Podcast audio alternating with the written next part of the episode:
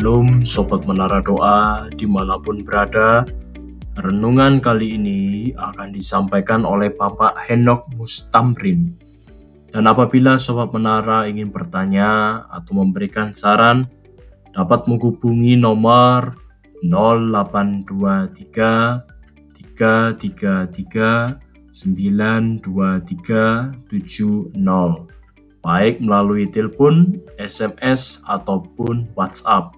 Nah, kalau begitu, sekarang kita akan mendengarkan renungan. Selamat mendengarkan.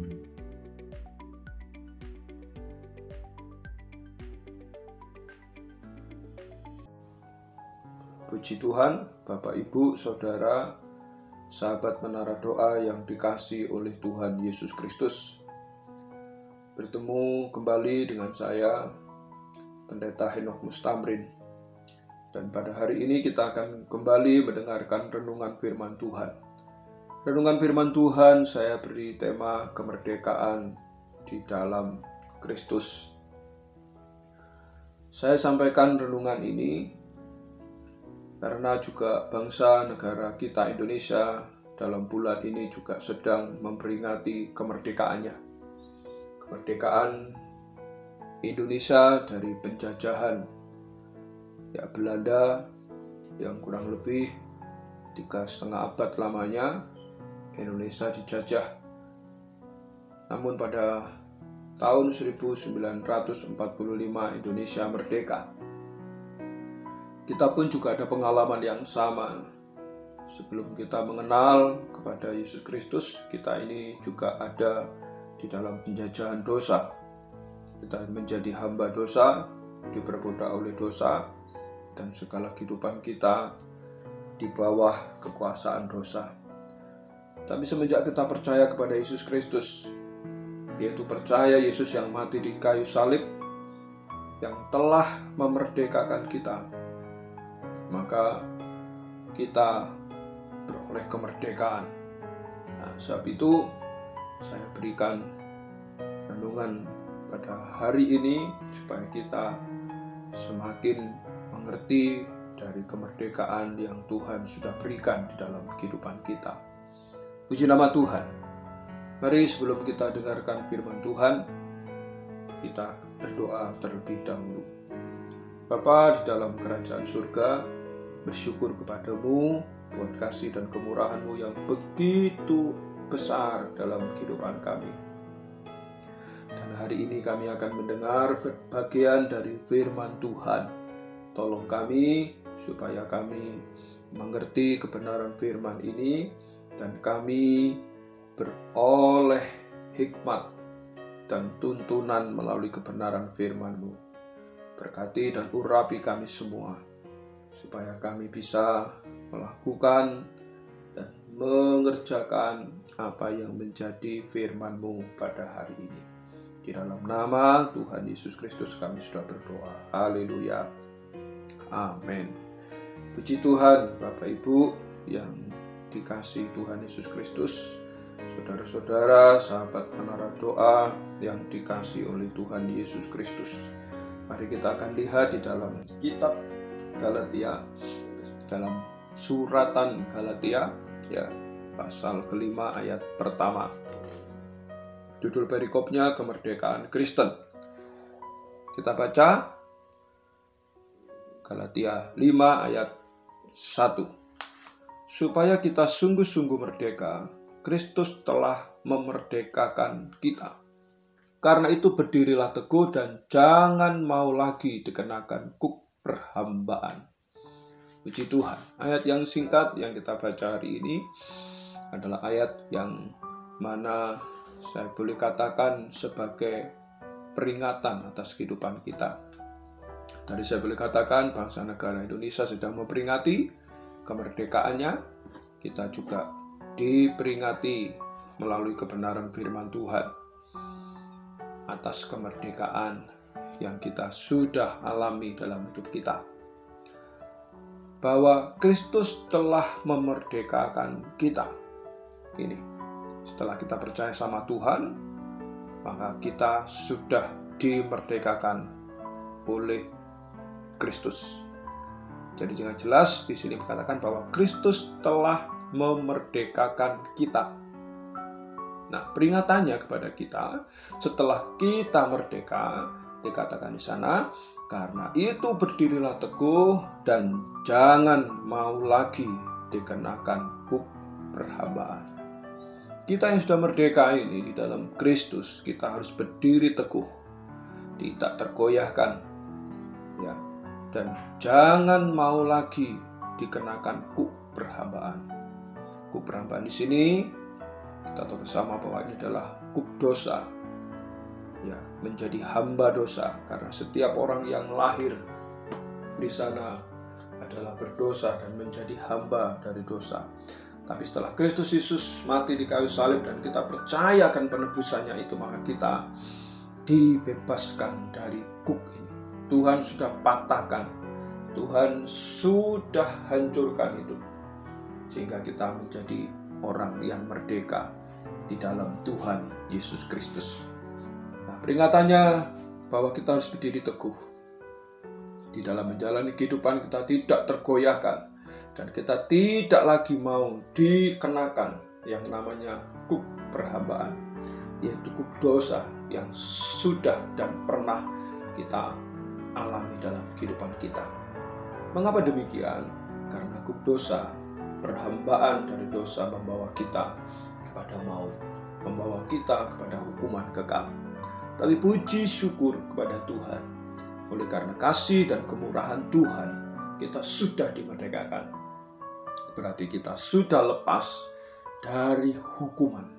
Kita sudah lepas dari maut yang seharusnya memang kita alami, yang seharusnya memang kita terima dalam kehidupan kita. Karena konsekuensi dari dosa adalah maut, yaitu hukuman kekal. Ya, puji Tuhan ayat yang sama yang kita akan lihat di dalam Roma pasal 8 ayat 1 sampai dengan ayat yang ketiga. Roma 8 ayat 1 sampai dengan ayat yang ketiga. Judul perikopnya hidup oleh roh. Demikian firman Tuhan. Demikianlah sekarang tidak ada penghukuman bagi mereka yang ada di dalam Kristus Yesus. Roh yang memberi hidup telah memerdekakan kamu dalam Kristus dari hukuman dosa dan hukum maut. Sebab apa yang tidak mungkin dilakukan hukum Taurat karena tak berdaya oleh daging telah dilakukan oleh Allah dengan jalan mengutus anaknya sendiri dalam daging yang serupa dengan daging yang dikuasai dosa karena dosa ia telah menjatuhkan hukuman atas dosa di dalam daging. Nah, ini dikatakan bahwa kita tidak ada penghukuman yaitu bagi mereka yang ada di dalam di dalam Kristus. Karena roh yang memerdekakan kita ya dari hukum apa? Hukum dosa dan hukum hukum maut. Nah, sebab dalam Galatia tadi dikatakan bahwa kita harus berdiri teguh dan jangan mau lagi dikenakan kuk perhambaan, yaitu kuk dosa. Bapak, Ibu, Saudara, sahabat menara doa, untuk perkara tidak berdosa, atau yang tadi dikatakan jangan mau lagi dikenakan kuk dosa atau perhambaan dosa itu adalah sesuatu yang tidak mudah bagi kehidupan kita. Karena selama menjalani kehidupan di muka bumi ini, kita masih berdosa dan jatuh bangun di dalam dosa. Tapi firman Tuhan sudah memperingatkan bagi kehidupan kita bahwa kita yang sudah dimerdekakan, kita yang sudah dibebas lepaskan dari hukum maut ini, maka kita harus berdiri teguh dan tidak lagi mau ya dikenakan namanya kuperhambaan yaitu perhambaan dosa itu. Nah, bagaimana caranya? Memang kesempurnaan dari apa yang kita kerjakan lakukan memang tidak mungkin terjadi. Artinya bahwa di tengah-tengah kehidupan yang kita jalani kita masih melakukan dosa. Namun demikian bukan berarti sesuatu yang tidak bisa sempurna atau tidak sesuatu yang tidak bisa kita kerjakan itu. Kemudian kita berbuat dosa. Bukankah di ayat yang ketiga di dalam Roma pasal 8 yang kita sudah baca tadi bahwa sebab apa yang tidak mungkin dilakukan hukum Taurat karena tak berdaya oleh daging telah dilakukan oleh Allah. Ini. Ini pertama-tama orang atau manusia dan khususnya bangsa Israel diberikan hukum Taurat supaya ngerti tentang peraturan, tentang ketaatan dan itu tidak mungkin dilakukan. Ya. Dan akhirnya dibawa pada hukum kasih karunia. Ya kan, ketidakmampuan, ketidakberdayaan dari apa yang dikerjakan oleh manusia, maka Tuhan menggenapkan itu. Ya. Melalui hukum kasih karunia yang Tuhan berbuat dalam hidup kita. Artinya bahwa memang kita tidak bisa sempurna dalam menjalankan hidup tanpa dosa. Bukan berarti juga bahwa kita harus tetap berbuat dosa, bukan demikian. Kita berusaha bahwa kuk perhambaan dari dosa tidak kita kenakan dalam hidup kita. Dan kemudian, sebagaimana hukum Taurat disempurnakan dengan hukum kasih karunia, maka kami percaya bahwa usaha yang kita kerjakan untuk kita tidak lagi menggunakan kuk perhambaan dosa ini, maka Tuhan menghargakan itu dan Tuhan nanti sempurnakan dalam kehidupan kita.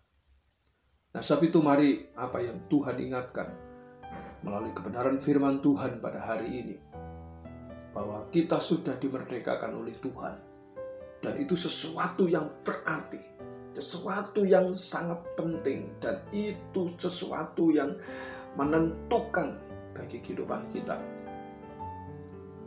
Karena urusannya adalah urusan kekekalan. Dan kita semua Bapak Ibu Saudara sahabat menara doa yang dikasih Tuhan kita harus ingat akan perkara ini. Jika kita gagal dalam kehidupan yang kita jalani, masih tetap kita menggunakan kuk perhambaan dosa, maka kita akan berakhir di hukuman kekal. Hukum maut menjadi bagian dalam kehidupan kita. Tapi sekali lagi bahwa kita sudah dimerdekakan. Jadi jangan mau lagi memakai kuk perhambaan itu. Dan kita harus berdiri teguh di dalam Tuhan. Sehingga benar-benar apa yang Tuhan katakan bahwa kita sungguh-sungguh sudah dimerdekakan. Dan kita mengalami kemerdekaan. Kalau kita mengalami kemerdekaan dan pada akhirnya kita juga boleh merayakan dari apa yang Tuhan sudah bertemu dengan Tuhan di alam kekekalan sana. Puji nama Tuhan. Sesuatu yang sederhana, tapi ini yang sering kali membawa perhambaan di dalam kehidupan kita. Ya, sesuatu yang sederhana, tapi ini juga dicari oleh bangsa-bangsa. Ya, dalam kehidupan yang kita sedang jalani. Nah, sebab itu, mari kita melihat kebenaran firman Tuhan. Apa sih? Ya, sesuatu yang sederhana tapi ini menjadi bagian dalam kehidupan yang sangat penting dalam kehidupan ini, tapi itu membawa kita kepada keberhambaan. Coba kita lihat dalam Matius pasal yang keempat, ayat yang keempat. Kita lihat Injil Matius pasal 4 ayat yang keempat. Judul perikopnya adalah pencobaan di padang gurun. Ayat keempat, tetapi Yesus menjawab, ada tertulis manusia hidup bukan dari roti saja, tetapi dari setiap firman yang keluar dari mulut mulut Allah. Saya berikan contoh satu tentang uh, makan. Ini ya, tentang makan atau dituliskan di sini roti, tentang makanan roti. Dikatakan dari ayat ini bahwa firman Tuhan melalui peristiwa pencobaan di padang gurun, yaitu Yesus yang dicobai oleh iblis ini. Dan Yesus menjawab di situ karena waktu Yesus berpuasa 40 hari 40 malam, maka datang iblis dan iblis menyuruh Yesus untuk mengubah batu-batu itu supaya menjadi menjadi roti. Dan Yesus jawab di ayat keempat ini yaitu ada tertulis manusia hidup bukan dari roti saja, tetapi dari setiap firman yang keluar dari mulut dari mulut Allah. Bapak Ibu Saudara, sahabat menara doa yang dikasih Tuhan, soal roti, soal makanan adalah sesuatu yang penting. Namun demikian Tuhan berkata bahwa manusia hidup bukan dari makanan saja, bukan dari roti saja, tetapi dari setiap firman yang keluar dari mulut. Kita sering terjebak dan kita tidak bisa memungkiri akan hal dan perkara makanan atau roti ini bahwa setiap orang pasti memerlukan dan membutuhkan. Namun demikian jangan lupa bahwa hidup manusia tidak bergantung dari makanan dan juga dari roti saja. Tapi ada satu hal yang penting yang tidak boleh dilupakan atas kehidupan kita, yaitu firman Tuhan adalah makanan kehidupan kita. Kalau kita makan pagi, siang, malam, maka ada pertanyaan, itu adalah makanan jasmani. Bagaimana dengan makanan rohani? Dan Tuhan berikan jawaban kenapa manusia hidup tidak bergantung hanya dari makanan atau roti saja, tapi dengan firman Tuhan. Karena kita membutuhkan untuk hidup bukan sekedar makanan jasmani saja, namun juga makanan roh, makanan rohani, yaitu fir, firman. Itu mari kita berpikir dalam kehidupan kita. Kalau kita makan pagi, siang, dan malam, kita juga seharusnya makan makanan rohani kita. Mari kita tentukan sendiri dalam kehidupan kita, supaya kita tidak masuk atau tidak terjebak dalam kuk perhambaan dosa lagi. Dan kita merenungkan firman, kita makan makanan firman. Di dalam Mazmur pasal 1, dalam uh, kitab Yosua juga pasal 1 ayat 8 dan 9 dikatakan di sana bahwa kita merenungkan firman Tuhan siang dan malam. Seperti orang mengunyah tidak merenungkan itu. Dan itu menjadi bagian atau sisi kehidupan yang juga penting dalam kehidupan kita. Karena Tuhan berkata bahwa makanan uh, kita bukan saja makan ya makanan jasmani tapi kita juga ada makanan rohani yang perlu untuk kita nikmati dalam kehidupan ini. Dan juga itu dipertegas juga kalau kita perhatikan di dalam Injil Matius pasal yang ke-6 juga. Ya, di sana dikatakan bahwa di ayat yang ke mana? Kita baca dulu ayat 31 ya. Matius pasal 6 ayat 31 sampai 32. Sebab itu janganlah kamu khawatir dan berkata, apakah yang akan kami makan? Apakah yang akan kami minum? apakah yang akan kami pakai? Semua itu dicari bangsa-bangsa yang tidak mengenal Allah. Akan tetapi Bapamu yang di surga tahu bahwa kamu memerlukan semua itu. Jadi soal makanan dan soal hal jasmani itu semua mencari bahkan bangsa-bangsa mencari semua itu. Tapi Tuhan katakan bahwa Tuhan tahu. Ya, Tuhan tahu dan tahu bahwa kami atau kita ini memerlukan itu. Sebetulnya mari kita mengimbangi dengan kita makan makanan rohani, yaitu membaca firman Tuhan. Dan saya percaya dan yakin jika kita makan makanan rohani kita, yaitu firman Tuhan yang keluar dari mulut Allah, kita renungkan dan kita hidupi, kita dapatkan tuntunan. Dan tentunya kita akan tetap berdiri teguh, tidak tergoyahkan dari apa pun. Karena firman Tuhan adalah pelita bagi kaki kita dan terang bagi jalan kita. Kita mengingat bahwa kita tidak berhenti dalam kehidupan yang kita jalani sampai hari ini. Kita masih berjalan. Dan perjalanan dari kehidupan kita, kita memerlukan terang firman Tuhan, yaitu makanan kita. Makanan rohani yang menguatkan, meneguhkan dalam kehidupan kita bersama-sama. Sebab itu mari kita mengisi kemerdekaan yang Tuhan sudah berikan atas kehidupan kita dengan kita menerima makanan rohani menerima firman Tuhan yang keluar dari mulut Allah itu dan itulah menjadi tuntunan sehingga kita terbebas terlepas kembali dari kuk perhambaan dosa di dalam kehidupan yang kita jalani. Saya percaya dan yakin kalau kita berpegang teguh kepada kebenaran firman Tuhan, kita akan dijagai kita makan makanan rohani juga selain makan makanan jasmani pagi, siang, dan malam, kita juga menjadi kuat di dalam Tuhan. Puji Tuhan. Bapak Ibu Saudara, Saya mendengar doa yang dikasih Tuhan. Saya sampaikan di sini kebenaran firman Tuhan. Kiranya ini menjadi satu bagian yang kita miliki. Menjadi peringatan dari kemerdekaan yang dirayakan oleh bangsa negara Indonesia, yang dirayakan oleh kita yang sudah dimerdekakan ini. Supaya kita hidup di dalam tuntunan dan pertolongan dari Tuhan Yesus Kristus. Puji Tuhan. Puji Tuhan. Mari kita berdoa. Terima kasih Bapak untuk firman-Mu yang kau berikan bagi kami. Beri kekuatan kemampuan untuk kami bisa melakukan dan menjalani. Dan kami tidak lagi dalam kuk perhambaan dosa itu. Namun kami ada dalam perhambaan Tuhan sendiri. Kami menjadi hambamu yang melakukan kebenaran firman-Mu. Kami menjadi hambamu yang menuruti kebenaran-kebenaran firman-Mu dari sekarang ini dan sampai selama-lamanya. Terima kasih Tuhan.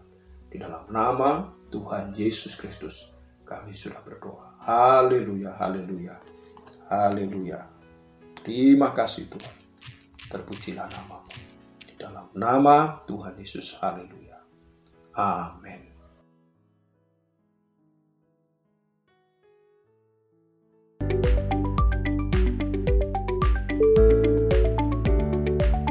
Terima kasih Sobat Menara Doa yang telah mendengarkan renungan kami. Apabila Sobat Menara ingin bertanya atau memberikan saran, dapat menghubungi nomor 0823 333 923 70 baik melalui telepon, SMS, atau WhatsApp. Oke, Sobat Menara, sampai bertemu kembali di renungan selanjutnya.